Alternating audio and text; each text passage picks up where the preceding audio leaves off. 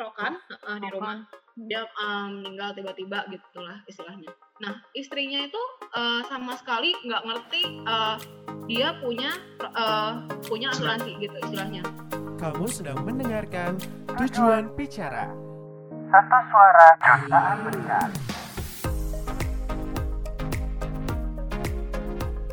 Oh iya udah. Halo Citeres. Hai Ci. Kita ngerekamnya malam-malam ya by the way karena ini orang sibuk semuanya ya kan. Tapi sebelum kita lanjut nih, uh, congrats dulu buat Jessica yang udah dapet kerjaan di Diamond ya. Puji Tuhan ya.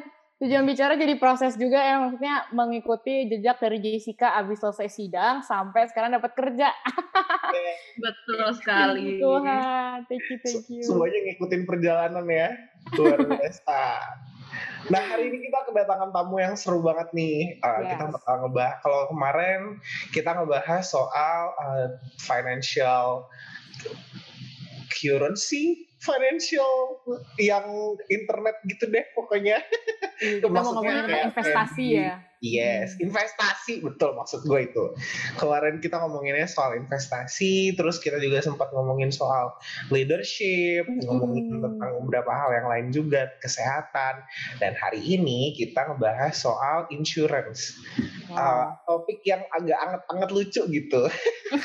nah hari ini uh, kita kedatangan uh, salah satu MDRT asik. Kalau yang belum tahu MDRT itu apa? Itu million dollar table ya. Round table. Round table ya, sorry. Uh, pardon. Aduh, gue grogi banget lah ketemu MDRT, ya ampun. Kau pun enggak lah. Sama aja, sama aja. By the way, ini uh, background dikit ya. Uh, uh, sekalian gue juga perkenalan lagi. Kalau teman-teman yang bosen kenal gue, ya udah janganlah, nggak apa-apa. Sekali-sekali kita kenalan terus gitu kan. Biar makin Background gue- sayang kan.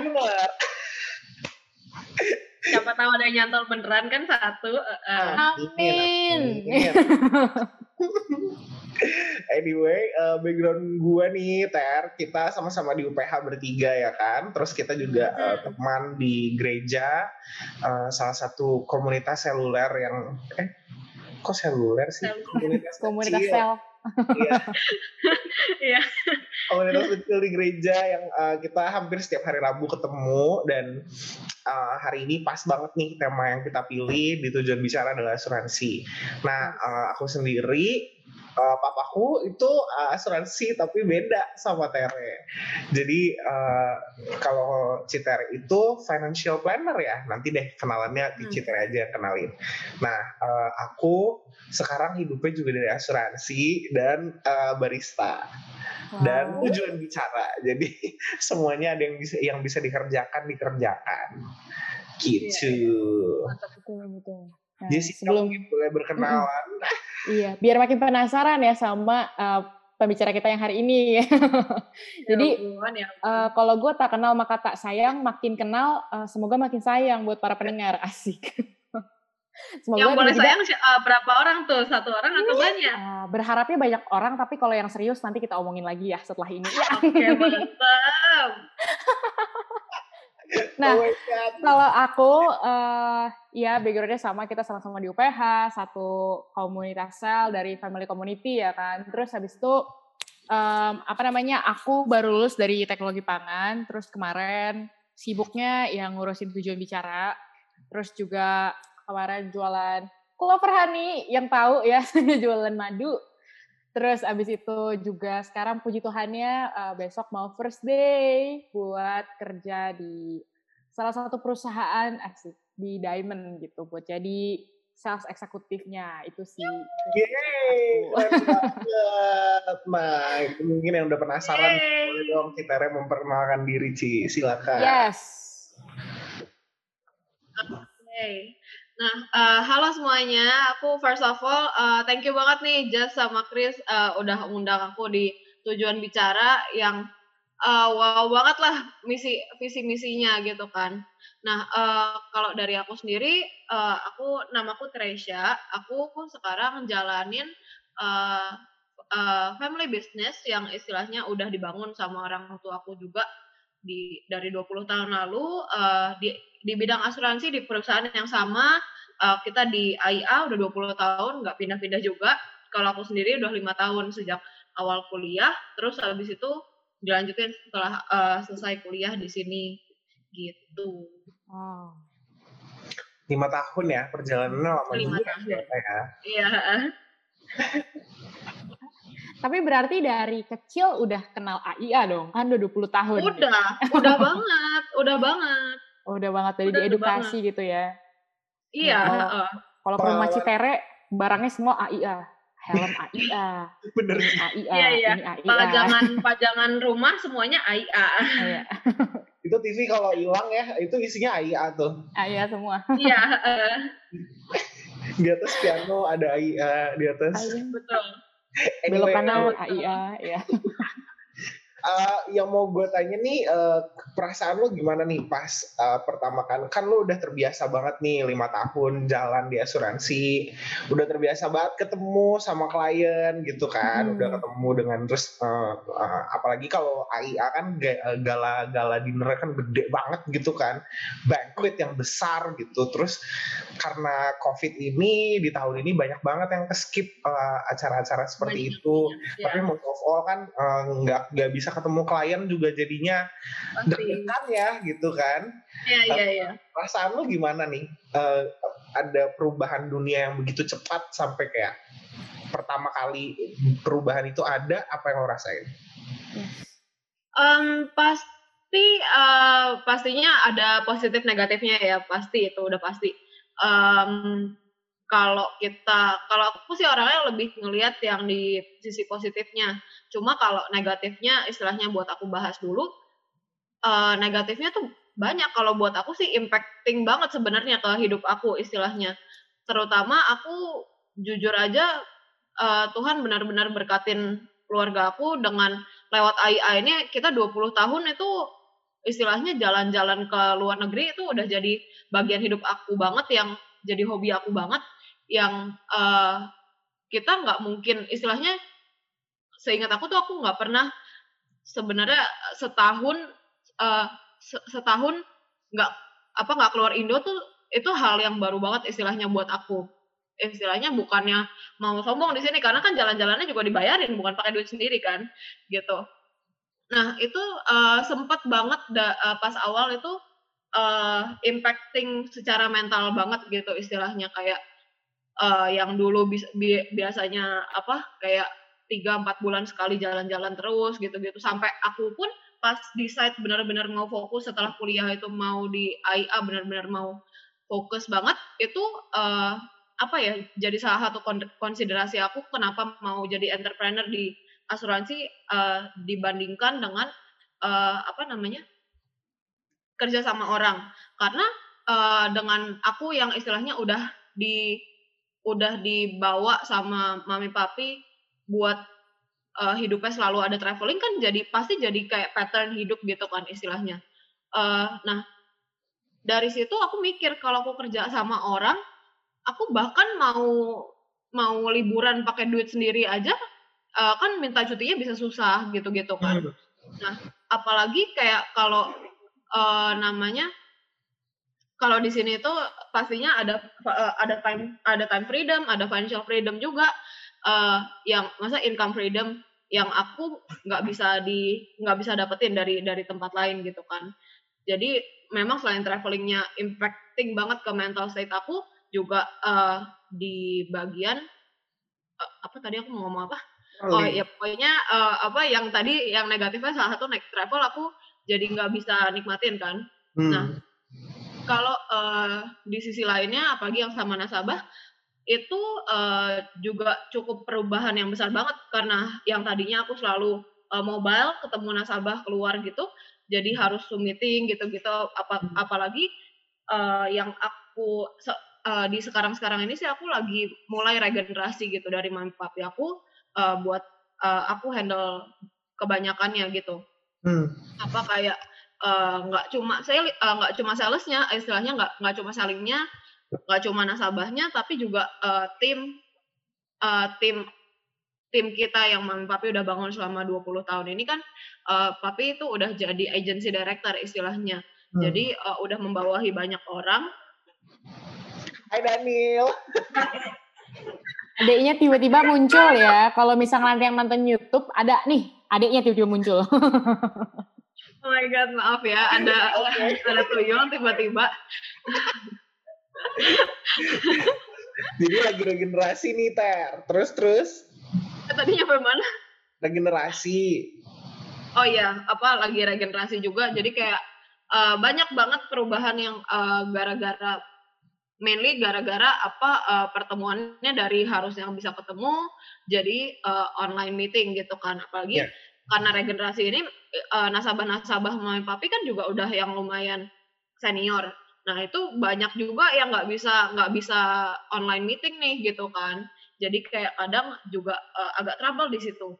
Nah tapi uh, bisa bisa dari situ di hal-hal positifnya yang yang aku syukurin banget itu juga banyak istilahnya uh, dan bukan uh, kalau misalnya mungkin sering baca uh, apa salah satu industri yang yang naik banget di masa pandemi ini agen Hmm. asuransi gitu kan uh, nggak juga istilahnya aku nggak bukannya kayak untung ada covid apa gitu kan. Kan itu kayak ini kan uh, musibah lah istilahnya buat kita Iya. semua. Tapi uh, di sini yang aku syukurin tuh aku jadi istilahnya uh, bersyukur gitu. Karena kan misi aku misi AIA juga yang aku jalan sekarang kan misinya untuk membantu ju- jutaan keluarga di Indonesia lebih hidup lebih sehat lebih lama lebih baik gitu kan Nah, jadi dari salah satu di situ ya kan dari asu- da- un- dengan punya asuransi juga. Jadi dari situ eh, dengan mereka bisa makin sadar eh, untuk punya asuransi lebih gampang kan karena kan eh, COVID kan nggak kelihatan nih virusnya. Tapi Hmm. kalau kena kita harganya ratusan juta coy gitu kan. Itu bukan kata aku, itu kata Erick Thohir gitu kan. Yang minimal sat- eh, satu orang kalau rawat inap COVID itu bisa rata-rata 105 juta.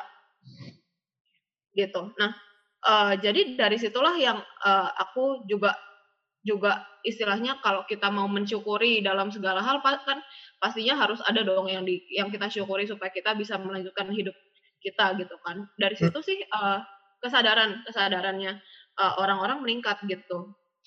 Eh, dan lagi eh, kalau tadi aku juga mau bahas mungkin kayak mungkin ada yang yang bakal nanya eh eh kalau lagi pandemi gini kan jadi pada banyak yang sakit misalnya atau yang banyak yang klaim gitu kan Hmm, hmm. ribet nggak tuh klaimnya gitu kan Benar, benar, benar. Nah, apa eh, kalau eh, ak- kalau aku sendiri eh, ini hal yang aku eh, juga syukurin banget gitu istilahnya di sini. Bukannya syukurin karena mereka sakit, karena di sini itu waktunya aku eh, nepatin janji aku, nepatin integritas aku sebagai agen eh, ke nasabah-nasabah aku kalau sampai ada yang sakit juga gitu. Hmm. karena yang eh, yang aku janjikan di awal sama semua nasabah-nasabah aku kan pastinya aku ak- yang akan ada buat buat mereka di masa senang maupun ma- masa susah gitu kan. Karena kan banyak banget nih di apa eh, istilahnya kita ngerti lah eh, kalau istilahnya di sosial life kita kan kayak eh, kalau lagi ada duitnya aja banyak temennya gitu kan tapi kalau lagi nggak ada duitnya atau apalagi sakit atau mau utang sama orang malah nggak ada temennya gitu istilahnya Nah, iya. Nah, di sini aku bersyukur banget sebagai agen tuh aku bisa jadi eh, teman yang eh, akan ada di saat susah itu terutama gitu. Nah, itu integritas yang aku jaga kalau mereka sampai klaim itu. Itu integritas yang aku eh, akan sampaikan gitu istilahnya yang dan, dan itu nggak pernah eh, aku nilai sebagai hal yang meribetkan aku. Hmm. karena aku juga dibawa eh, istilahnya diajarin sama mami papi untuk istilahnya eh, kalau bahasa Cinanya itu uhau sama klien istilahnya. Kalau uhau kan artinya eh, kayak apa ya kayak give back ke parents gitu kan istilahnya. Nah kalau di sini aku mau give back ke kliennya ya dengan salah satu caranya ya pastinya dengan menservis eh, mereka saat mereka perlu aku gitu kan. Gitu dan eh, kenapa aku mau uhau ke mereka? Istilahnya kenapa aku mau give give back ke mereka? Ya karena pastinya eh, karena mereka yang udah mensukseskan aku. Mensukses, mensukseskan mami papi aku nyampe sini. Kenapa kita bisa di sini? Ya pastinya gara-gara satu, satu satu persatu dari mereka. Bukan apa nggak peduli premi kecil premi gede atau apa pun uh, sah, uh, setiap dari mereka tuh berharga banget buat kita. Dan itu uh, best friend forevernya kita gitu istilahnya. Karena kalau buat aku di saat kita uh, tanda tangan polis nih nasabah tanda tangan polis di situlah uh, yang dimulai namanya best friend forever kita gitu istilahnya. Karena kan aku bakal jadi temennya dia di saat susah di saat senang uh, sampai mereka uh, meninggal nantinya gitu. Hmm.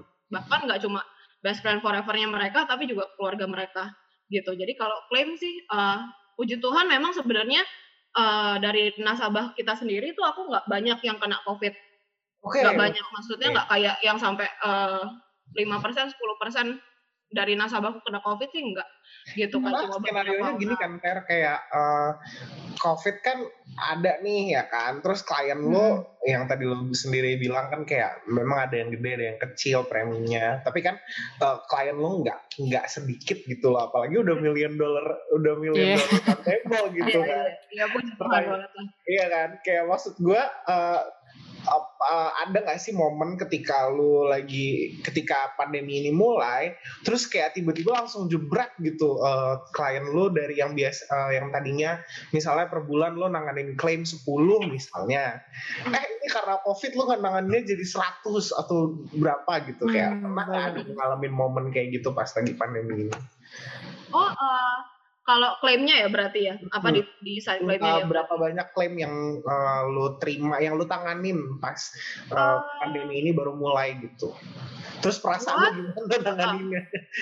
Kayaknya kalau klaimnya jadi banyak sih enggak sih. Aku uh, maksudnya sorry nih jadi kebalik-balik gua gua lu aku kamu ya kan. Okay, apa, -apa. apa uh, kalau klaimnya sih sejujurnya nggak banyak sih karena nggak nggak bukan yang kayak seabrek langsung misalnya 10 orang apa lima orang sehari gitu hmm. kayak dokter gitu enggak sih gitu. Karena apa uh, ya kalau ada pun paling kayak satu satu satu satu dua tiga gitu gitu paling paling banyak yang gue pernah tanganin itu jadi sampai paling tiga lah sehari. Itu itu pun masih hand, bisa handle banget gitu. Karena kan bukan uh, bukan gue yang kerjain sendiri kan. Hmm. karena ada tim IA yang yang yang handle handle claim pastinya gitu. Jadi uh, dan di sini juga uh, tugas uh, maksudnya karena kecanggihan teknologi pastinya juga udah bukan uh, apa namanya masa-masa yang tradisional di mana kayak agen harus ke rumah sakit istilahnya buat ngurusin klaim nasabah gitu. Karena gue udah by phone semua gitu mau yang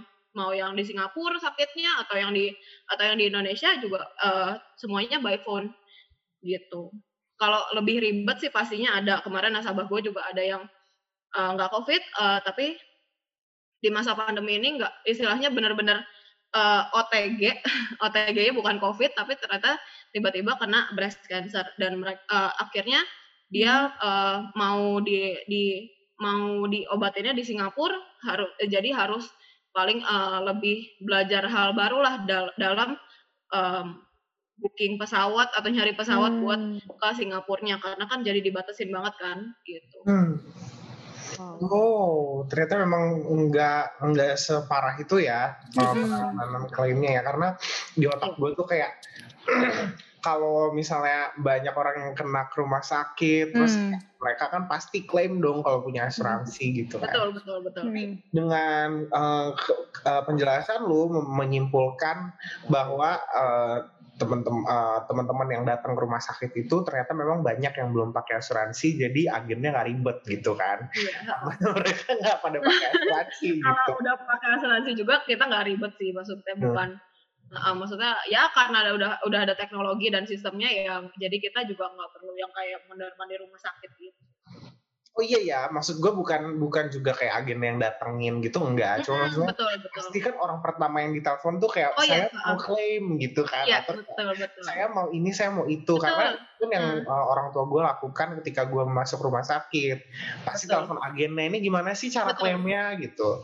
Kalau misalnya saya bisa ngerjain sendiri ya oke okay, gitu kan. Hmm. Nah Uh, tapi uh, menarik ya, berarti memang uh, kesimpulannya adalah memang nggak terlalu banyak teman-teman kita yang tahu tentang asuransi gitu. Nah, uh, Ter mau nanya nih, kira-kira ada jenis-jenis asuransi apa aja yang bisa lo jelasin ke kita? Hmm. Oke, nah uh, di industri, istilahnya di Indonesia, industri asuransi itu kebagi dua sebenarnya, garis besarnya. Uh, itu asuransi umum sama asuransi jiwa nih, gitu. Nah, uh, kalau gua memang lebih yang di jiwa. Kalau asuransi umum itu apa aja sih? Kayak tanah dan bangunan, mobil, uh, travel, uh, personal accident, gitu, atau kargo mungkin.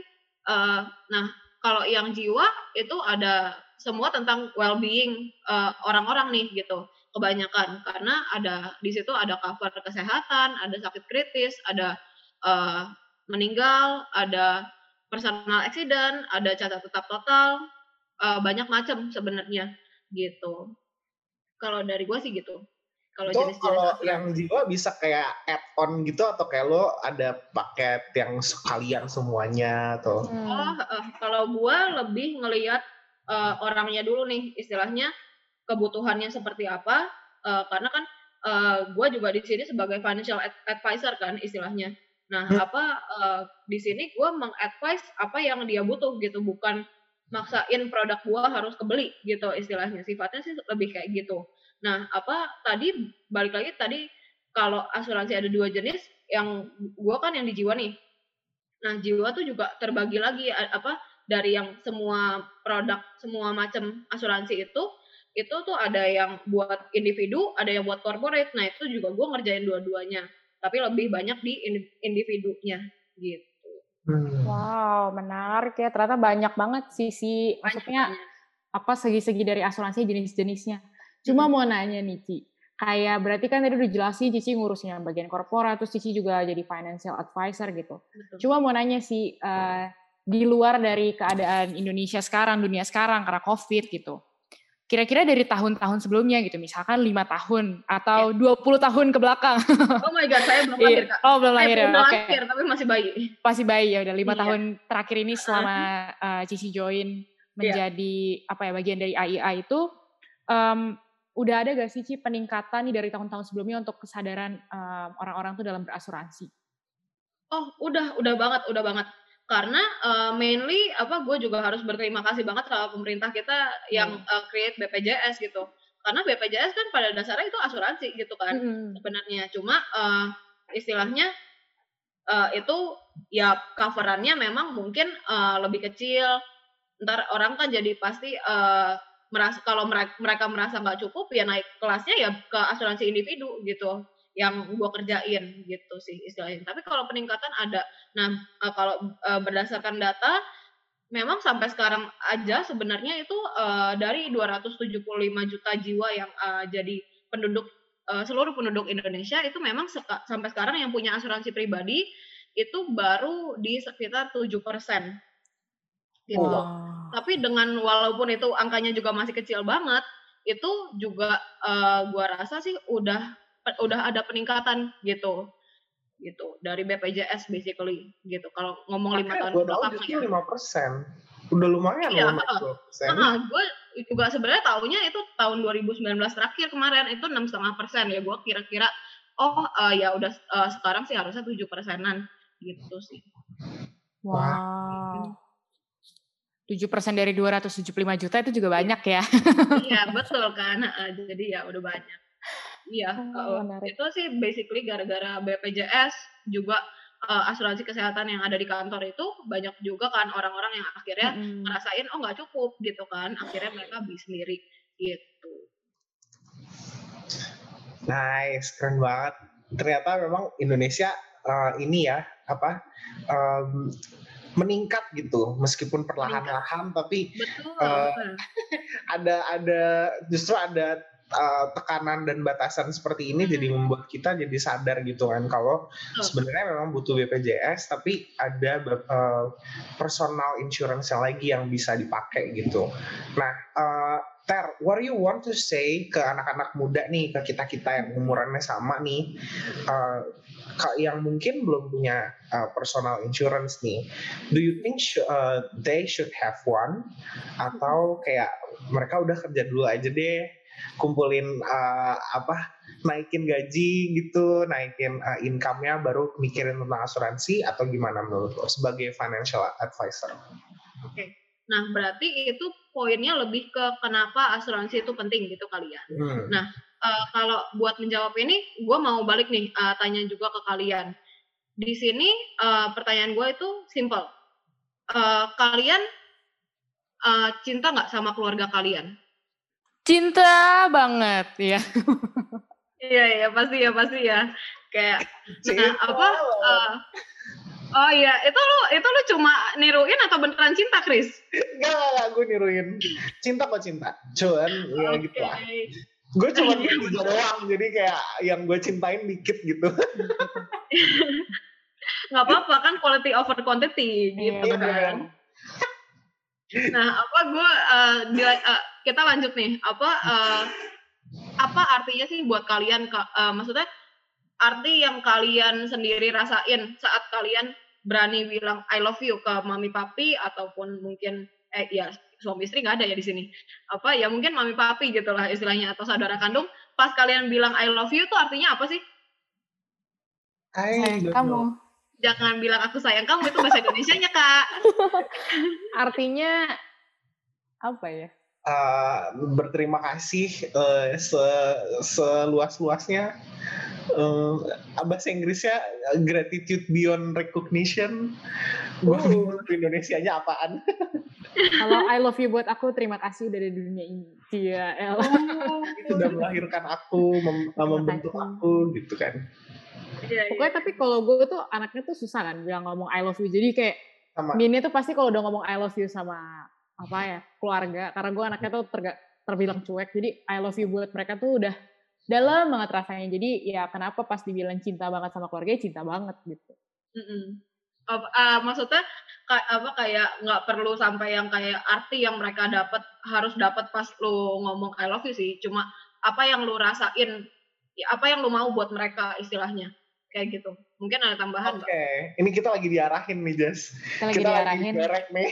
ya, jadi diarahin untuk menjadi lebih baik. Bukan buat membeli ya Karena, nggak ada nggak ada penawaran Iya. ya di sini karena ya Citere ini kan financial advisor juga. Jadi dia memberikan advice ya kan. Iya, Hmm. betul eh, Kita lagi diarahkan ke uh, mindset. Ke Mindset sebuah yang lebih baik. Iya benar. Kalau menurut gue, uh, apa ya? I don't know. What normally people answer about that question? gue nggak oke tahu. oke oke nggak apa nggak apa Hmm. Kalau just bilang I love bener you, nggak tambahan rasanya deg-degan. Enggak ya sih. Itu dia makanya.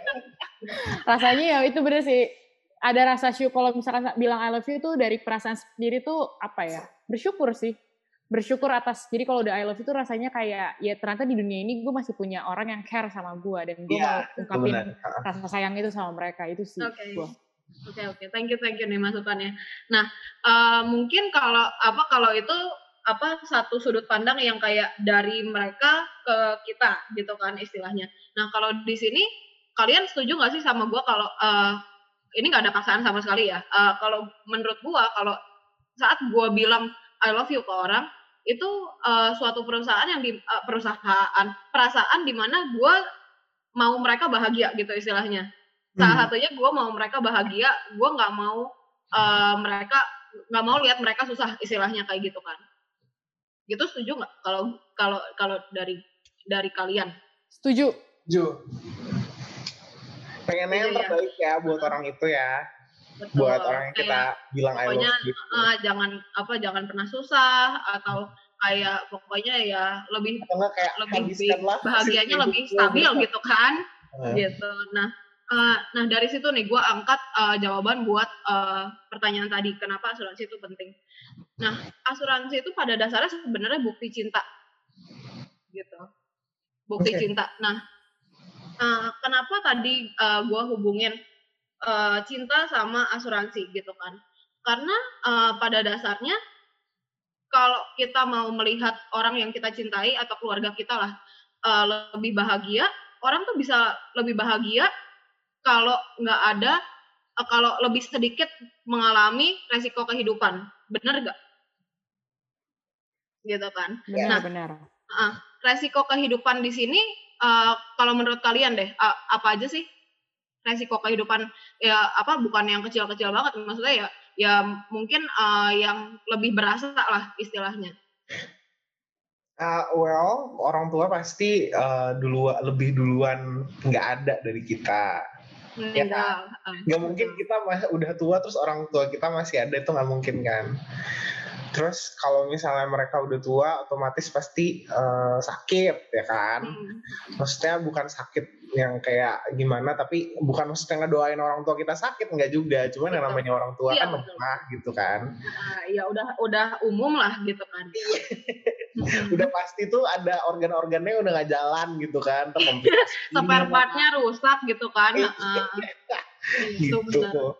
Terus apalagi ya, Ah. tapi kalau udah udah tua justru kebanyakan orang-orang tua tuh mengandalkan anak-anak mereka untuk kayak memberikan mereka masukan, menghidupkan mereka gitu kan karena pemikirannya kayak ah, lu dulu udah gua sekolahin, udah gua ini itu gitu kan, udah dikasih Betul. semuanya, otomatis ya balik bakti lah gitu kan. Betul betul betul. Kayak gitu sih. Kalau dari Just Dem ada tambahan nggak? Retweet. Retweet, oh retweet, oh iya.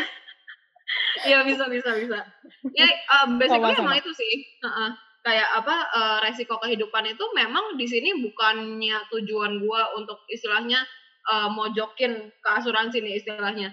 Tapi uh, gue bicara intinya tuh pokoknya gua mau uh, kalau gua dari dari gua sendiri ya, gua uh, mau keluarga gua itu terutama misalnya mami papi, adik gitu kan. Uh, istilahnya kalau ada resiko kehidupan pun mereka tetap nggak kesusahan gitu istilahnya. Kalau sampai istilahnya Tuhan ketok palu diizinin kena sakit atau eh, meninggal tiba-tiba, pokoknya jangan kesusahan gitu istilahnya. Jangan eh, mengurangi beban mental ataupun beban beban finansial apalagi gitu kan. Jadi istilahnya kalau gua sendiri istilahnya yang nantinya akan juga jadi eh, orang tua dan juga jadi eh, istri gitu kan.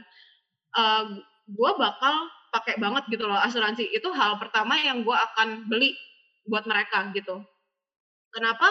Karena gue nggak uh, gue nggak mau sampai kalau uh, tiba-tiba suami gue atau anak gue sakit uh, mereka harus kebingungan atau atau gimana atau mungkin uangnya takut nggak cukup atau atau mereka jadi yang harusnya mereka fokus untuk sembuh mereka jadi mikirin biaya rumah sakit atau apalagi uh, kalau istilahnya kalau uh, apa ya maksudnya mungkin worstnya misalnya mereka sakit kritis atau atau ini lebih ke suami ya mungkin ya uh, atau istilahnya mungkin menjelang aja lah gitu. Mereka masih mikirin uh, keluarga atau beban finansial yang akan ditinggalkan gitu kan. Ya. nah jadi di situlah asuransi bisa menjawab gitu. Jadi kalau gue simpulin sebenarnya yang paling kelihatan lah istilahnya resiko kehidupan yang paling kita nggak mau face isti- istilahnya itu kan pastinya sakit sakit kritis meninggal. Pasti berkisar di situ di situ doang gitu. Karena kalau namanya bisnis rugi itu kan kita juga masih bisa kerja lagi masih punya opportunities gitu kan. Tapi kalau namanya udah sakit kritis meninggal sakit gitu kan itu kan kita perlu biaya yang yang yang harus langsung ada nggak bisa dicicil gitu kan. Kan nggak pernah kan keli apa ngelihat sale 50% di depan pintu rumah sakit gitu kan. Ya kan? Pernah. nah 20% depan betul rumah sakit. kan? Oke, nah wow. apa nggak bisa dicicil lagi. Mending kayak rumah bisa dicicil pakai KPR gitu kan. Heeh. nah ini nggak ada gitu kan. Hmm. jadi eh, itulah kenapa kalau buat gua sendiri asuransi menjadi sangat-sangat penting gitu. Karena eh, gua nggak mau mereka mikirin mikirin beban finansial. Padahal mereka udah sakit istilahnya di sini posisinya kalau sampai mereka sakit pun mereka jangan sampai eh, mikirin eh, dapat beban mental tambahan gitu istilahnya. Hmm. gitu. Apa atau atau mungkin kalau gua sendiri yang sakit gitu. Gua nggak mau sampai mereka worry eh, apalagi ini worstnya sih. Apa kalau sampai mereka harus kerja gitu istilahnya buat biayain rumah sakit gua gitu. Itu hal yang paling eh, worst lah di otak gua gitu kalau anak gua yang sakit nggak apa-apa istilahnya gua masih bisa kerja gitu kan Iya, iya. buat uh, biayain rumah sakitnya. Nah kalau kalau gue sama suami gue yang sakit, metong nggak itu anak gitu kan? Iya, Apa jadi di situlah di uh, peran asuransi itu menjadi sangat-sangat penting gitu. Uh, kenapa gue bilang asuransi itu bukti cinta ya balik lagi uh, lebih memuluskan lah uh, resiko kehidupan yang terjadi. Jangan sampai mereka mikirin beban finansialnya juga gitu Ya. istilahnya. Dan Wow. apa ini nggak works buat keluarga ke bawah doang istilahnya uh, ke bawah tuh ka- kalau kita udah punya suami istri, punya anak. Ini juga worst ke atas gitu. Kalau kita udah punya tanggungan orang tua misalnya. Nah, eh, di sini pastinya eh, gue nggak mau orang tua gue misalnya udah nggak ada pendapatan gitu kan. Hmm. Gue nggak mau orang tua gue harus harus eh, istilahnya misalnya sakit sakit kritis atau mereka harus eh, misalnya malu-malu istilahnya mungkin buat minta gue duit atau atau eh, jadi pengobatannya jadi nggak maksimal gitu kan. Karena eh, mereka worry gue gua ada eh, beban finansial sendiri gitu kan. Tapi kalau semuanya udah dipasangin asuransi kesehatan nih misalnya kan jadi apa mereka nggak perlu worry gitu. Iya. apa pun yang terjadi gue tenang gitu istilahnya. Bukan gue yang gue doang yang tenang mereka pun tenang gitu. Itu sih yang gue rasain sendiri gitu. Jadi kayak eh, sekarang aja masa covid gini walaupun memang gue tetap jaga kesehatan gue pakai masker gue pakai hand sanitizer gue istilahnya cuci tangan sering-sering juga tapi gue juga tetap eh, siapin asuransi kesehatan gitu. Kenapa? Karena kalau sampai tiga ini gagal menjaga gue kan istilahnya jangan sampai orang tua gue eh apa ya misalnya harus ngoyoh kerja atau bahkan Hmm. mungkin ngutang gitu kan gara-gara biaya rumah sakit gua ratusan juta gitu Hmm. karena gue nggak pernah tahu dokter bakal minta berapa dan itu bisa tiba-tiba terjadi gitu loh dan apa uh, gue sendiri ber- berada di uh, industri ini gue juga ngalamin banget yang uh, istilahnya udah ngeliat banget gitu loh klien-klien gue yang um, masih usia muda atau nggak ada gejala sama sekali nggak ada keturunan sama sekali bisa tiba-tiba kena penyakit macam-macam yang uh, tiba-tiba dokter asal nyebut aja gitu apa tiga digit apa ratusan juta gitu kan gitu dan Wow. apa uh, kalau mereka nggak punya asuransi ya udah mereka bayar sendiri gitu loh Hmm. sekarang pertanyaannya lu mau bayar sendiri atau dibayarin nah kalau kalau mau bayar sendiri kalau uangnya cukup pun apakah lu rela gitu loh istilahnya lu udah uh, kerja mati-matian lo buat uang uh, buat ngumpulin uang itu. Harusnya istilahnya misalnya habis 100 juta lu udah nabung 100 juta buat liburan atau beli mobil.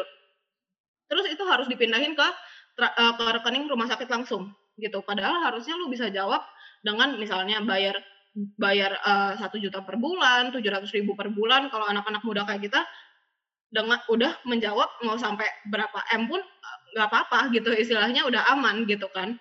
Jadi di situ yang gue makin merasa dibantu sama asuransi gitu istilahnya gue sebagai nasabah ya di sini eh, bukan sebagai agen jadi di masa covid ini pun gue eh, jadi lebih tenang kalau sa- kalau sampai kena covid pun ya udah gue tinggal eh, tinggal menjalani eh, pe- perawatannya gitu kan tanpa worry tentang biaya gitu sih Iya benar. Itu Wow. sih eh, perasaannya tuh kayak lo nggak akan beli payung kalau Mm-mm. nggak hujan. Betul Hmm. Kalau lagi musim panas ya kan, payung Iya. itu bakal berguna kalau lagi musim hujan. Tapi Mm-mm. kalau lagi musim, maksudnya kayak eh, kalau eh, ada sih yang bilang ke gue tuh kayak beli asuransi tuh kayak eh, lu pa- beli payung gitu, betul nggak akan dipakai ketika panas. Tapi kalau lagi hujan dicari banget gitu. Nah, Mending- moreover, yang kalau gue mau tambahin, kalau eh, di sini asuransi memang memang benar banget asuransi itu payung. Tapi lebih lagi, ini bukan cuma nggak bisa, eh, bukan cuma belum ada atau belum kebeli gitu misalnya, eh, belum belum ada nih payungnya. Tapi asuransi itu nggak bisa dibeli kalau lu udah perlu gitu loh. Iya itu dia benar.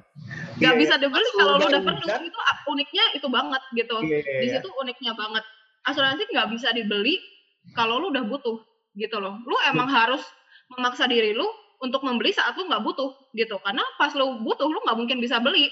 Mau lu ngasih premi berapapun ke perusahaan asuransi nggak bakal namanya istilahnya apalagi lu namanya udah sakit kritis nggak mungkin ada namanya asuransi yang mau cover gitu. Benar. Itu sih eh, kalau misalnya udah hujan kan lo nggak bisa keluar beli payung kan? Iya lu kan betul. Mending hujannya hujan gerimis. Kalau hujan badai Iya gitu kan Jadi kan Gojek juga nggak mau nganter ya. iya gimana Gojek juga nggak mau nganter Jadi mendingan lo beli payung pas lagi musim kemarau gitu kan, which is Hmm, kalau lagi sehat gitu. Iya. Ya Nah kan? ini gue tambahin Iya. juga connect sama yang eh, jaw- eh, pertanyaan yang sebelumnya yang eh, apa peningkatan kesadaran asuransi Hmm. di masyarakat Indonesia gitu kan. Nah, Hmm. eh, banyak banget yang di masa pandemi ini eh baik calon nasabah gua ataupun agen-agen lain, teman-teman agen gitu kan, cerita gitu, pada jadi pinter-pinter istilahnya. Eh, mereka eh, kan income-nya menurun banget, income-nya menurun banget, terus mereka jadi cerita, gue tahu banget gue butuh beli asuransi sekarang sebelum income gue makin gojlok lagi gitu istilahnya. Karena kalau namanya gue udah income-nya turun terus, gue punya tanggungan keluarga istri gitu, eh, keluarga istri anak gitu kan maksudnya. Kalau sampai gue sakit istilahnya, gue sakit covid lagi atau mereka sakit covid lagi atau sakit yang lain, duitnya dari mana gitu loh istilahnya. Apakah mau meniadakan tabungan dana pendidikan anak atau biaya hidup jadi uh, turun drastis atau berhutang malah gitu kan kan nggak uh, nggak enak gitu loh istilahnya. Jadi selain tadi asuransi itu bukti cinta, dia itu juga uh, pokoknya uh, apa ya namanya fondasi lah dari kalau lu mau hidup sejahtera ya pakai asuransi gitu loh istilahnya. Gitu. Kalau lu mau hidup uh, yang punya rasa tenang lebih gitu istilahnya. Punya rasa tenang atas resiko kehidupan yang tadinya kemungkinan bisa jadi kepastian ya asuransi gitu istilahnya. Nah uh, uh, para calon nasabah ini bilang karena income gue sekarang lagi menurun banget gue harus harus di istilahnya uh, karena income-nya menurun terus gue harus apa istilahnya diselamatin dulu pakai asuransi gitu loh istilahnya Hmm. asuransi kesehatan di sini dan juga asuransi jiwa karena uh, kalau istilahnya ini yang ngomong tuh si bapak-bapaknya, suami atau bapak gitu kan. Nah, dia bilang jangan sampai kalau gua tiba-tiba COVID atau tiba-tiba meninggal, uh, keluarga gua terlantar bahkan gitu. Atau bahkan aset-aset yang tadinya kira gua kira udah tinggalin buat warisan malah menjadi hutang karena Hmm. mereka nggak bisa menanggung biaya balik nama atau yang lain-lainnya gitu atau nggak bisa memproses karena ada macam-macam pajak waris, eh, hukum waris gitu-gitu kan. Gitu. Wow. Dan terutamanya as- asuransi kesehatan sih gitu. Gila, gila. Wah, mantep banget. Maksudnya ini sangat-sangat terbakar tapi semangat kita jadinya kayak semakin aware lagi nih kenapa asuransi itu penting buat kita. Cuma ini penasaran banget sih, Ci. Iya. Kayak dari awal sampai di apa posisi sekarang nih kita udah ngeliat kayak Cici tuh passionate banget di bagian ini kayak kelihatan banget kayak cinta buah cintanya bukti cintanya tuh kelihatan banget di sini kayak Cici mau uh, mengedukasi orang-orang buat ayo kita um, tahu uh, dan sadar bahwa pentingnya asuransi itu untuk apa gitu. Mm-mm. Nah, mau nanya sih Ci, Mm-mm. um, why do you love what you do? Gitu Mhm. kayak ada gak sih behind uh, story-nya sampai Cici tuh bisa uh, full time di bagian insurance sebagai insurance aja apa agen atau mungkin ada sesuatu hal yang mendorong Cici kayak kayaknya uh, memang di sinilah tempatnya yang terbaik buat gue bisa uh, mengembangkan potensi gue gitu. Oke. Nah, eh, kalau itu sebenarnya eh, banyak banget faktornya gue bisa bilang. Selain enak-enaknya ya, istilahnya walaupun banyak banget enak-enaknya jalan-jalan keliling dunia, eh, penghargaan sana sini istilahnya atau kecukupan atau berkat materi yang berlebih, gue bisa bilang yang lebih bikin gue passionate itu bukan eh, karena materi-materi itu gitu istilahnya, tapi karena eh apa ya namanya gue nggak gue nggak nggak nemu nih apa eh, bahasa kata-kata Indonesianya gitu Iya, iya. Eh, Inggrisnya apa ya? pengalaman klaim nasabah gitu loh istilahnya itu yang yang sangat mendrive gue buat setiap harinya Hmm. bisa mau kerja keras gitu loh bahkan atau istilahnya sebagai entrepreneur namanya entrepreneur kan kalau kalau dibanding eh, kalau dibedakan sama karyawan karyawan kan 9 jam kerja udah kan gitu tapi Hmm. kalau entrepreneur kan 24 jam lu bisa dipaksa atau bahkan secara voluntarily mikirin bisnis lu gitu kan. Nah, di sini pengalaman-pengalaman nasabah eh, klaim nasabah inilah yang eh, menurut gua jadi landasan gitu. Kenapa I love what I do sekarang sampai lima tahun ke belakang bahkan gue bisa bilang eh, apa selama 20 tahun bokap nyokap jalanin itu ya sama gitu sebenarnya pengalaman klaim nasabah gitu. Nah, eh, kalau gue boleh cerita pengalaman klaim yang eh, paling bikin gue terkesan gitu. Nah, ini eh, ceritanya simpel banget gitu. Eh, rumah gue pas itu lagi di- direnov tiga tahunan yang lalu baru kan jadinya. Hmm. eh gue ngeliat nih tukang eh, masa mandor mandor tukang kita mandor tukang yang yang renov rumah kita eh, cerita-cerita kan pastinya eh, apa oh dia punya istri sama dua anak istrinya tinggal di desa sama anak-anaknya gitu dia ngerantau ke sini eh, buat kerja nyari kerjaan gitu kan nah eh, terus karena istilahnya ya mungkin ada panggilan juga ada ada eh, kita pokoknya eh, long story short kita nawarin dia beli asuransi kenapa karena eh, apa kita nggak pernah tahu lah apalagi dia pencari income utama gitu kan Hmm. eh dia akhirnya masuk asuransi jiwa 300 juta, eh bukan 300 juta, 50 juta asuransi jiwa itu preminya 3 juta per tahun Hmm. gitu. Jadi sekitar berapa tuh? 300 ribuan per bulan nggak? Ya, eh, benar-benar. itu. Ya, 3 juta per 500 something. tahun, eh, 3 juta per tahun, dia nabung selama tiga tahun gitu. Eh, ini bukan ini bukan cerita tiga tahun lalu ding. Apa eh, udah lama lumayan udah lama ceritanya pas gua awal-awal join banget. Dia pokoknya nabung selama tiga tahun. Terus eh, apa? Dia meninggal gitu istilahnya. Eh, long long story short dia meninggal dan apa? Meninggalnya di rumah istilahnya kalau kata orang eh, orang Jawa ya angin duduk tapi sebenarnya eh, serangan jantung lah gitu kita predik. Eh, angin duduk atau serangan jantung dia meninggal habis keruk eh, kere, eh, kerekan kere, apa kerokan eh, di rumah dia eh, meninggal tiba-tiba gitulah istilahnya nah istrinya itu eh, sama sekali nggak ngerti eh, dia punya eh, punya asuransi gitu istilahnya. Bahkan istrinya aja tuh nggak punya rekening bank nggak punya rekening bank sama sekali. Dan dia juga nggak ngerti eh, pin rekening bank suaminya gitu. Nah eh akhirnya dia tuh ceritanya setelah tujuh bulan setelah eh, suaminya ini meninggal dia ke, eh, ditanyain sama temennya gitu eh eh, suami lu punya asuransi nggak gitu ninggalin lu asuransi nggak gitu kan. Dia baru baru ngah gitu istilahnya terus dia nyari-nyari lemari-lemarinya gitu terus nemu polis asuransi gitu kan. Eh, akhirnya karena dia kenal sama ini tuh istrinya orang kampung jadi beneran jauh dari kita gitu kan. Eh, akhirnya karena dia kenal sama temennya gitu dari gereja kenal juga apa jadi istilahnya mutual mutualnya kita sama eh, istrinya itulah akhirnya Iya, iya. kenalin eh, buat klaim gitu kan istilahnya. Nah akhirnya karena dia pun bahkan nggak punya rekening bank dia tuh nggak bisa ngambil eh dia juga nggak tahu pin eh, BCA suaminya kan. Jadi dia benar-benar ditinggal tanpa megang apa-apa gitu loh istilahnya. Yang tadinya bergantung 100% sama suaminya dia ditinggal gitu aja nggak eh, benar-benar buat biaya hidup aja pas-pasan banget. Karena kan pasti yang eh, biasanya dia cuma dikasih uang bulanan gitu kan Hmm.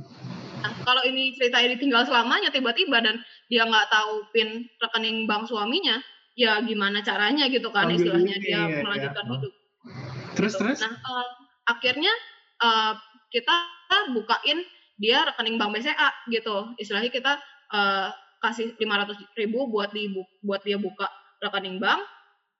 Terus eh, apa kita proses klaimnya semuanya. Akhirnya eh, keluar tuh ternyata 3 juta yang tadi ditabung kan eh, kalau eh, yang diklaim itu kan UP jiwa plus investasinya kan istilahnya nilai tunai. Nah, eh, ternyata keluar-keluar itu udah jadi 61 juta. 61 juta itu 50 juta sama 11 juta dari investasinya. Jadi tiga tahun dia nabung 9 juta kan. 9 juta udah berkembang jadi 11 juta. Makanya jadi 61 juta.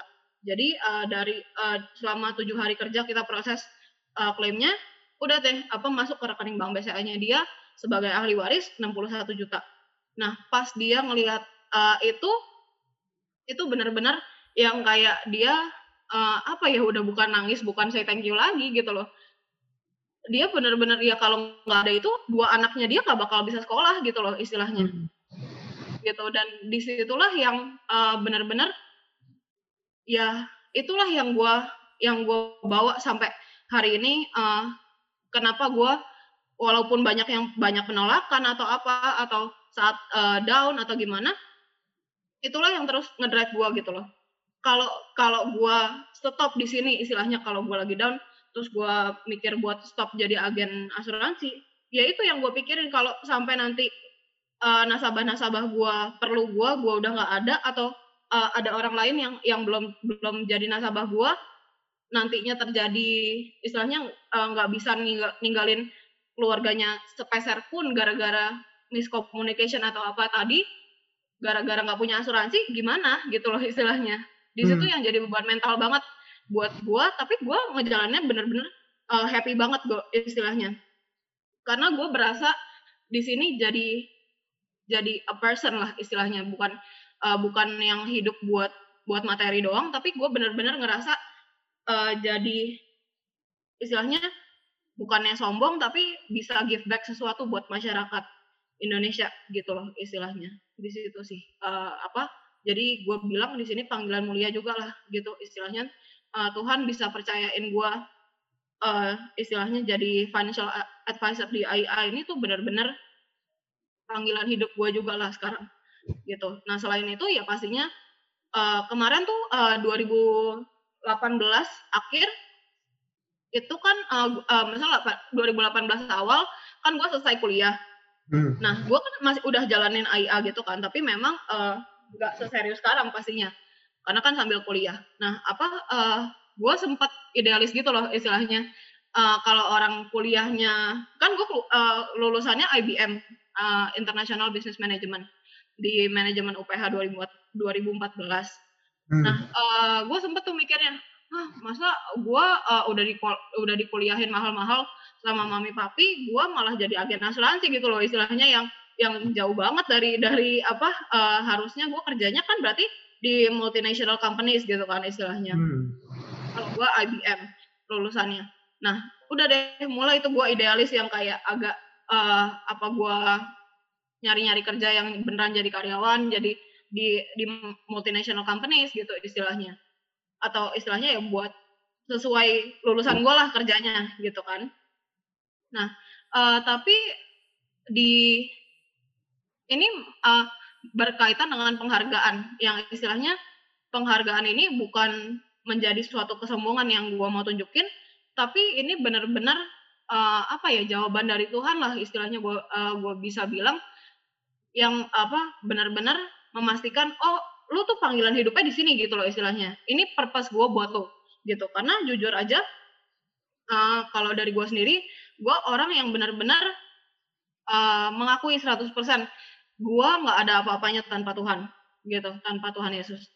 Karena uh, eh, gue benar-benar hidupnya benar-benar bergantung banget. Jadi se se semua keputusan yang gue bikin uh, ini juga pasti ya gara-gara pertumbuhan yang dari komsel kita juga dari gereja dari macam-macam apa uh, dengan pertumbuhan roh rohani gue kan istilahnya Nah, jadi gue seorang seseorang yang uh, semua keputusan itu gue tanyain dulu sama Tuhan, gitu istilahnya. Tuhan tuh benar-benar uh, prioritas hidup gue. Nah, jadi pas uh, gue bimbang itu antara mau lanjutin agen asuransi atau atau uh, jadi karyawan di, di bidang IBM yang which is lulusan gue, hmm. itu benar-benar gue bimbang tuh pas di 2018 itu. Tapi gue sambil ngerjain asuransinya. Nah, uh, di situ uh, akhir di 2018 itu long story short gue menda uh, mendapatkan premi premi yang gede banget istilahnya uh, produksi yang nggak pernah dicapai sama nyokap bokap gue selama 20 tahun di uh, asuransi atau di AIA. Nah, uh, jadi kalau mungkin kalau gue bilang uh, titelnya atau apa-apa mungkin bingung ya nanti. Jadi uh, long story short, gue di gara-gara gara-gara pencapaian produksi itu di 2019 itu gue di dianugerahkan penghargaan uh, top agent of the year hmm. seluruh Indonesia seluruh asuransi gitu istilahnya. Nah, wow. Uh, di situlah yang benar-benar uh, apa ya itu benar-benar gue speechless sih kalau ngomongin gitu loh. Hmm. Uh, apa benar-benar Tuhan sam, dari dari bukan cuma pas dianugerahinnya doang loh istilahnya karena itu perjalanan yang cukup panjang karena banyak banget interview yang gue lewatin gitu dan uh, bahkan buat penganugerahannya itu aja gue harus tanding uh, istilahnya da, jadi sistemnya itu dari 32 perusahaan asuransi seluruh seluruh Indonesia yang join itu Hmm. mereka ngasih satu-satu satu-satu apa sih namanya pentolan gitulah istilahnya. Buat buat tanding ke AAJI gitu kan. AAJI itu asuransi asu- a- asosiasi asuransi jiwa seluruh Indonesia gitulah. Hmm. Eh, dari 32 perusahaan itu di shorten jadi 8 orang gitu dari eh, produksinya gitu. Nah, puji Tuhan banget gua masuk di eh, peringkat tiga di eh, di di eh, 8 besar itu. Tapi kan itu cuma dari premi doang kan.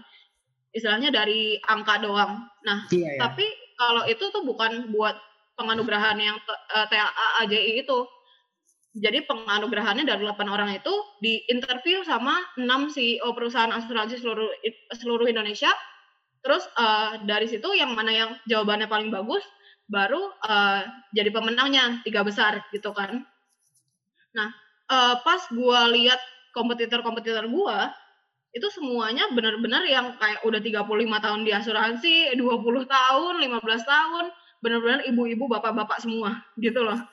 Nah, eh apa gua tuh benar-benar gak bisa gitu loh beneran kalau kalau tanpa pimpinan Tuhan tuh gue benar-benar gak bakal bisa ke bisa nyampe situ. Karena gue orang yang yang juga apa eh apa namanya greget gitu loh. Beneran gue apa gue gregetan gregetan banget pas sebelum masuk ru- eh, ruang interview gitu loh. Apa gi- gimana gimana caranya gitu loh. Gue kompetisi sama orang yang udah senior senior banget di asuransi gue baru lima tahun coy gitu loh. Kayak Hmm. masih se, masih masih kecil banget gitu loh. Nggak mungkin lah gue menang gitu kan. Tapi benar-benar karena pimpinan Tuhan dan juga karena memang Tuhan panggil gue di sini akhirnya gue jadi eh, jadi pemenang nomor tiga dan eh, dan yang yang eh, yang ketua AAJI-nya itu juga bilang eh, selama 32 tahun kita ngaj- eh, nga- ngadain acara ini eh, kamu itu eh, apa pemenang termuda yang pernah naik panggung gitu loh istilahnya. Jadi ya istilahnya eh, mungkin kalau dijadikan titelnya yang gua dapetin pas itu apa ya mungkin eh, youngest top agent of the year 2019 gitulah ya. Nah, dari situlah yang eh, bikin gua yakin banget gitu akhirnya eh, oh Tuhan emang panggil gua di sini benar-benar. Nah, start dari situ gua benar-benar fokus di sini bahkan eh, sama sekalian regenerasi orang tua gua dari nasabahnya, dari tim-timnya juga. Jadi gua fokus di sini sekarang gitu. Wah, jadi panjang banget nih ceritanya. Itu Tapi- udah pengalaman pribadi, Pengalaman kesaksian. pribadi, kesaksian, betul, betul. kebesaran Tuhan, ya kan? semuanya juga iya. semuanya gitu. Udah bawa ini lagi kita kayak mau komsel lagi. Iya, Iya, ini kayak kalau komsel wah mantap. Tapi benar banget sih maksudnya kayak eh, kita bisa ngelihat gitu ya dari awal Citere bilang value yang Citere pe- pegang sama keluarga. Gimana Cici tuh mau kayak seriusin ini itu dengan hatinya Cici. Terus eh, mau jadi BFF buat orang, maksudnya yang apa namanya mau join di asuransi itu kayak menurut aku tuh kayak mau jadi best friend forever tuh butuh komitmen gitu kan. Berarti Iya, Citere betul, kasih komit, udah mau komit nih, bukan lagi 100% mungkin bila perlu 1000% buat Iya, uh, iya, di pekerjaan ini gitu kan. Karena ah, betul Iya. betul. uh, setelah udah ditunjukin nih, inilah tempat yang tepat buat Cici, terus akhirnya uh, kita juga harus butuh hati dan komitmen gitu di sini. Betul. betul. Nah, uh, kita udah jelas banget ya dari awal sampai akhir dan jujur gue jadi kayak mikir juga gitu buat uh, kenapa kita harus tunggu sakit dulu baru kita bikin asuransi, kenapa enggak Iya, kita cicil dari sekarang gitu. Maksudnya betul, betul, betul. prepare aja bukannya mau nyumpahin diri kita sakit atau Betul. uh, orang tua kita sakit tapi persiapan siapa tahu Persiapan hujan kita nggak ada yang tahu ya kan Heeh, iya. orang-orang bilang eh, musim hujan tuh bulannya pakai berber tiba-tiba Januari Iya. hujan kemarin banjir Betul. ya kan kita nggak tahu Iya benar. Nih benar pertanyaan gua, apa lu nyiapin ban serep di mobil Mm-mm. itu karena apa? karena Antisipasi. antisipasi iya, Antisipasi takut ya. aja. Bukan karena lu doain diri lu sendiri ketabrak atau misalnya mobil lu uh, bannya kempes kan? Bocor gitu enggak gitu kan benar nah itu sama banget sebenarnya sama asuransi gitu dan apa di sini add-ons-nya ya apa eh, asuransi itu bakal jauh lebih murah kalau lu masih muda dan sehat gitu loh istilahnya Ya, kalau lu udah tua selain preminya pastinya jauh lebih mahal ya belum tentu lu bisa masuk gitu loh gitu sih Benar. kalau dari gua nah sebagai penutup nih Ci hmm. eh, udah dijelasin kan udah dibuat kita buat semakin sadar gitu yakinin kita dong buat para pendengar dan kita berdua juga nih, walaupun kok Krismo uh, memang sudah tumbuh dari asuransi gitu ya, atau yakinin gue gitu, buat anak-anak yang awam banget nih sama asuransi. Um, yakinin kita dong kenapa kita tuh perlu berasuransi. Oke, okay. apa uh, di sini berarti gue mau tanya sesuatu juga. Mm -mm. Pernah nggak sih ngerasa kok gua gaji gue habis terus ya, gitu? Pernah iya. nggak ngerasa itu? Mm -mm. Nah, nah, nah kerja soalnya sih jadi nggak ada nggak tahu gajinya ke mana. Ya, aku juga belum kerja, cuma biasanya aku dapat gaji nih, oh, belum habis aja gitu. Iya iya iya. Iya iya iya. Nah apa uh, juga yang terjadi fenomena di masyarakat Indonesia itu juga ada satu lagi. Kenapa orang tua orang tua zaman sekarang tuh yang walaupun umurnya udah 55, 60 tahun ke atas tuh jadi masih dipaksa kerja terus gitu loh istilahnya uh, atau terpaksa kerja terus gitu pa, uh, dan di sini jawaban yang gue temuin itu ya pasti karena mereka salah uh, kelola keuangan gitu atau mungkin ya mereka uh, ya bukannya ak, uh, ak, gua ngatain mereka salah gitu istilahnya. Ya mungkin mereka juga belum ngerti gitu kan. Hmm. nah di di situlah tugas gua kan uh, memang gitu. Nah uh, jadi memang kalau istilahnya pertanyaannya gimana caranya gue yakinin kalian untuk masuk asuransi itu nggak sama sekali. Istilahnya gue nggak gue nggak per gue nggak pernah atau istilahnya maksa orang atau atau uh, ya apa ya maksudnya uh, yang kenapa lu harus beli asuransi gitu istilahnya gue di sini cuma tugasnya buat membuka mindset gitu istilahnya dari uh, financial planning gitu hmm. dari uh, gimana lu mengelola keuangan yang lebih baik gitu.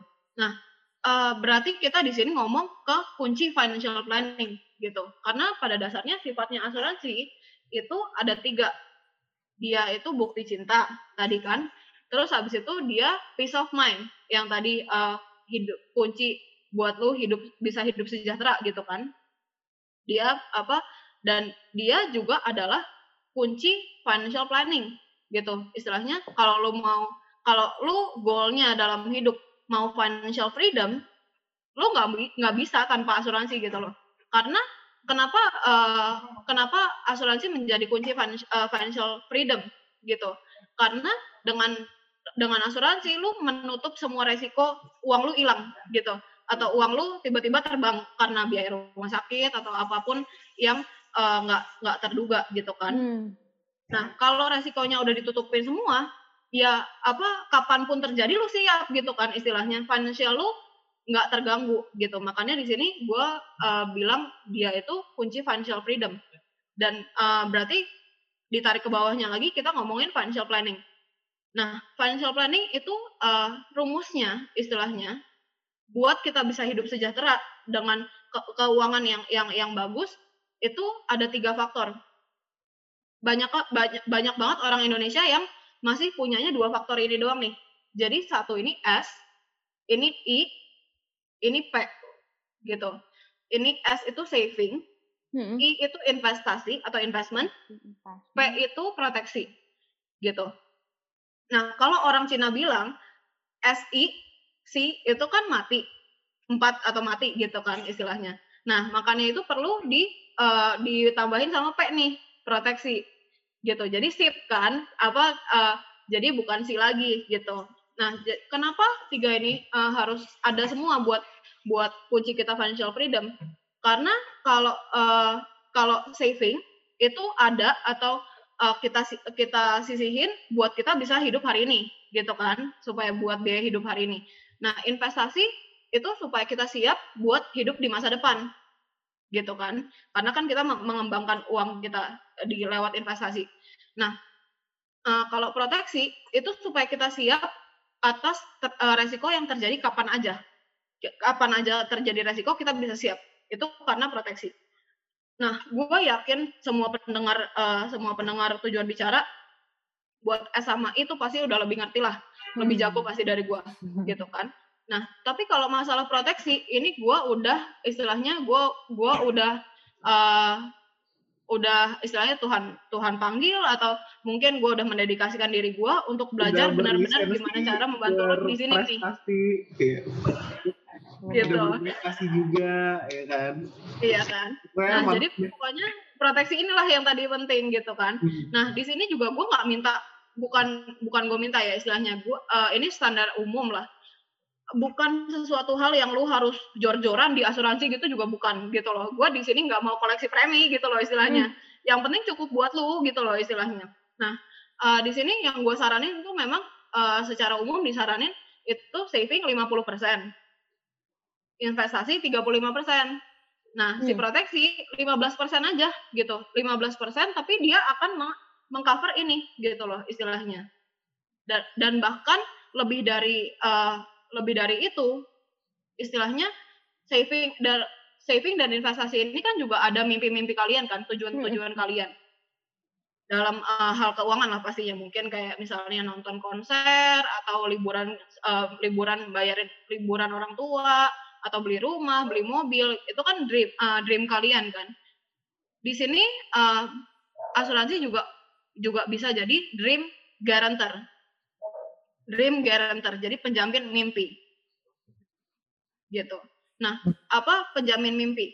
Nah di sini kenapa P itu 15% doang tapi dia bisa bisa mengcover semuanya? Kita kan namanya nggak pernah tahu balik lagi tadi. Kalau sampai kita tiba-tiba sakit dokter minta 1 m itu ya udah terserah lu. Lu mau lu mau ambil dari mana? Dari saving dari investasi keluarga lu apa kabar gitu loh kalau kalau diambil 1 m gitu kan. Kalau kalau kalau eh, namanya kalau cukup pun rela nggak loh istilahnya. Harusnya lu nggak nggak harus hilang loh 1 m lo itu. Harusnya dengan asuransi yang preminya eh, preminya kecil banget itu juga bisa bisa mengcover itu gitu loh istilahnya. Gitu. Jadi kunci financial planning ya di situ. Kalau kalau eh, S sama I eh, banyakan orang tuh eh, fokusnya di sini doang dana darurat atau eh, misalnya apa ya selain dana darurat juga ada apa misalnya investasi gitu-gitu kan. Nah, kebanyakan orang ke, ke kelupaan nih buat eh, memproteksi pakai asuransi gitu. Nah, jadi eh, dari gua sebenarnya eh, kalau kalian udah dengar dari tadi eh, karakter eh, karakter asuransi itu eh, pokoknya kunci peace of mind eh, atau dia kunci ke, eh, kunci financial freedom dan juga bukti cinta gitu. Gua rasa eh, gua nggak perlu ngomong lebih ya istilahnya. Eh, tinggal lu lihat aja lu butuh atau enggak gitu. Dan di sini eh, gua bilang tinggal lu refleksi diri lu sendiri aja. Asuransi itu bakal nggak bakal nggak bakal penting kalau lu nggak bisa meninggal dunia, nggak bisa sakit, nggak peduli dengan diri lu sendiri atau lu nggak mencintai keluarga lu gitu. Jadi kalau lu masih masih eh, masih mungkin meninggal dunia, apalagi lu punya tang- tanggungan gitu kan, keluarga, Hmm. terus lu juga mungkin kena penyakit, apalagi penyakit serius, dan juga lu peduli sama diri lu sendiri, love myself gitu kan kalau kata kalau kata orang, dan juga lu mencintai keluarga lu, ya udah berarti lu perlu asuransi gitu. Dan di sini apa balik lagi gua nggak perlu gua nggak ada eh gue tekenin asuransi itu bukan banyak kan orang mikir mungkin oh asuransi itu preminya mahal gitu-gitu kan. Nah, Hmm. mahalnya di sini relatif gitu karena sifatnya asuransi itu uang kecil yang membeli uang besar. Gitu. Nah, berarti kalau namanya uang kecil membeli uang besar berarti preminya jauh lebih kecil daripada yang di cover dong. Gitu. Nah, Benar. jadi ya dari situ mungkin kalian bisa refleksiin ke diri sendiri. Gue uh, gue perlu nggak asuransi gitu istilahnya. Nah, apa setelah itu kalau lu uh, kalau lu merasa perlu, ya udah nanti lu tinggal cari agen yang menurut lo kompeten gitu buat uh, buat me- uh, menjaga atau lu pilih sendirilah agen yang bisa jadi best friend forever lu. Jangan uh, jangan juga pilih agen yang istilahnya belum belum uh, cara ngomongnya pasti beda lah, pasti kelihatan yang kayak bakal cuma dua tahun di asuransi atau yang bakal tiba-tiba cuma ngejar target atau ngejar ngejar produksi doang atau ngejar komisi doang bahkan sama yang benar-benar bisa jadi best friend forever lo gitu dari situ aja sih kalau Wow. dari gua Wow. Sudah lengkap banget ya tadi udah dijelasin kenapa ada SIP. Tapi bener banget sih kayak waktu itu aku pernah ikut satu webinar juga tentang financial planning dibilang kayak um, apa namanya asuransi itu juga jadi opsi gitu. Kalau misalkan nih kayak ya udah kamu boleh nih ngejalanin saving sama investment gitu. P-nya ya udah ntar aja. Kalau kamu tuh ternyata memang buat diri kamu gitu. Tapi kalau kondisinya misalkan kamu tuh anak pertama terus abis itu kamu punya adik, terus nanti kamu yang jadi tulang punggung keluarga. Nah, Betul. itu juga harus dipertimbangin tuh SIP-nya itu. Proteksi itu juga di situ gue mulai kayak gimana ya, Ci? Kayak, hah, oh gitu ya gitu. Ternyata Iya itu pentingnya proteksi itu untuk itu buat menyelamatkan si S sama I-nya ini gitu. Betul, betul, betul. Yes. Tapi dan juga harus bijaksana untuk bisa apa ya? Mungkin um, dengan agen asuransi juga anggapannya kayak jatuh cinta gitu guys, Cici. Kayak cocok-cocokan kan. Uh-uh. Siapa sih yang mau jadi teman kita? Siapa sih yang bakalan setia sama kita? Itu juga bakalan kelihatan dalam proses betul, kita betul, betul. perkenalan gitu. Nah, jadi uh-uh. um, kita pun yang sebagai nasabahnya nanti juga harus uh, pinter-pinter bisa aware buat oh ini agen yang benar-benar memang mau gue itu sehat dan atau gue mau gue itu um, apa namanya ya investasi di sini dan tapi nggak dirugikan gitu. Maksudnya benar-benar di, memang dibantu. Nah itu juga kita harus sebagai nasabah juga harus pinter-pinter. Gitu. betul. Nah apa kalau tambahan note tambahan dari gua mm-hmm. um, kalau tentang asuransi sih memang udah jelas banget ya dari tadi kita bahas. Nah uh, di sini lanjut ke kalau dari tips dari gua buat kita milih agen gitu. Mm-hmm. Gua nggak bukannya di sini apa kontak gue apa 0818 enggak, bukan sama sekali enggak gitu. Nah, kalian selain apa menja- uh, memilih agen tuh yang bakal jadi best friend forever kalian, uh, juga lihat di sini uh, integritasnya ada nggak gitu loh istilahnya. Jangan sampai nanti kita klaim dia kabur gitu loh istilahnya. Apa misalnya uh, oh gue lagi apa gue udah nggak di asuransi gitu kan atau oh uh, gue nggak tahu cara ngurusnya. Apa lu lu tanya sendiri deh ke ke perusahaan asuransinya. Kan mateng gitu kan. Apa uh, jangan sampai malah asuransinya malah bikin kita kecewa. Padahal sifatnya tuh bagus-bagus banget kan. Gitu yeah. kan. Tapi uh, jangan sampai agennya yang bikin kalian uh, kecewa sama uh, asuransi. Nah di sini juga gue tekanin juga kalau tips and trick dari gue lah istilahnya dalam uh, membeli asuransi uh, akan lebih baik buat kalian belinya jangan yang sama di bank gitu. Kenapa? Bukannya gue memastikan bisnis mereka atau gimana, tapi uh, kalau sebagai nasabah nih, gue ngomong sebagai nasabah, sebagai temen, kalau lu belinya sama orang bank, kan itu customer service atau karyawan kan sifatnya. Nah, kalau lu klaim karyawannya udah udah udah pindah kerjaan atau gimana lah apa beda posisi apa kabar? Masa lu mau hubungin ke customer service bank? Lu lagi sakit lagi lagi mau rawat inap gitu kan? Nah di situ aja sih karena eh, kita di sini kalau asuransi itu kita beli beli service bener-bener gitu. Kita beli service dan juga kita beli peace of mind. Jangan sampai kita mau klaim malah malah diribetin sama asuransi gitu kan istilahnya. Gara-gara eh, nggak uh, ada yang bisa bantu kita gitu Sip deh, berarti kalau misalnya tips dan uh, lo kalau misalnya pilih agen harus uh, rasain uh, agen itu punya integritas yang baik atau enggak. Terus kalau misalnya pilih asuransi, pilihlah asuransi yang memang fokus uh, usahanya itu dia uh, fokus company-nya itu di asuransi, hmm. bukan yang uh, di bank. Karena kalau di bank hmm. misalnya kalian dealing sama bank, uh, banknya orang yang kalian dealing bisa aja pindah gitu kan. Iya, kan kalian. Iya. Nah, thank you banget nih Tere. Kita udah sampai di ujung uh, sesi hari ini. Uh, ya. Sangat penuh dengan uh, informasi ya hari ini ya. Kencang banget. Semoga uh, berguna, semoga bermanfaat guys. Iya. Yes, yes. Thank you. Iya. Uh, banget ya akhirnya kita bisa dapat yang uh, kita bisa membicarakan hal yang uh, passionate dengan orang yang juga passionate gitu. Dengan, dengan spirit Iya, iya, iya.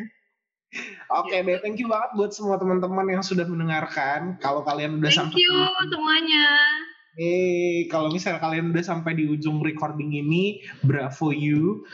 Keren banget kalian, uh, berarti kalian memang tertarik dengan asuransi. Uh, jangan pernah, uh, maksudnya jangan sampai kalian uh, hilang keter, eh jangan sampai uh, kekepoan itu hilang tetap di Facebook kekepoannya yeah. supaya kalian bisa um, memastikan masa depan kalian itu yang terbaik karena tujuan bicara juga pengennya yang terbaik buat semua pendengar kita ya yeah. uh. satu suara jutaan berkat ya sama kan visi kita ya Ci ya ya betul betul betul Oke Iya deh. eh, dan jangan sa- ja- jangan sampai takut apa eh, tadi balik lagi eh, premi asuransi mahal atau apa gimana gitu karena kalau kalian ketemu agen yang yang kompeten itu juga pasti bisa menyesuaikan sama budget kalian kok. Yes. Disesuaikan budgetnya ya. Oke deh. Hmm, Thank you dong. semua Iya. pendengar uh, tujuan bicara. Uh, jangan lupa follow kita di Instagram. Sekarang uh, Instagramnya namanya tujuan bicara dan uh, tune in untuk YouTube kita di setiap hari Jumat akan ada video upload uh, potongan cuplikan dari uh, Zoom yang ada. So thank you. Thank you semuanya. Oke, thank you. Ya, well, thank you banget Ter, gile. Thank you. Grogi ya? Thank you. gila gila. Gue kepanjangan gak sih tadi cerita ceritanya kok kayaknya. Lumayan sih. Bagus, bagus, Ci.